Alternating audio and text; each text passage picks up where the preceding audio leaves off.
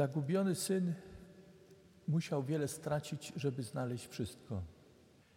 Drugi syn miał wszystko, a jednak nie potrafił się cieszyć i dostrzec to, że być blisko Ojca to jest szczęście.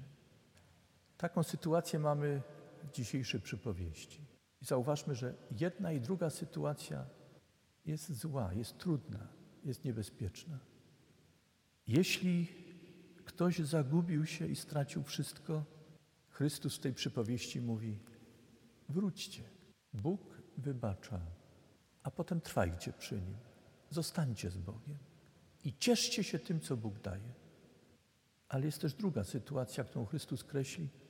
Jeśli jesteś z Bogiem i nie cieszy cię to, nie jest to Twoim szczęściem. To znaczy, że z Twoim chrześcijaństwem jest coś niedobrego. Być blisko Boga to szczęście.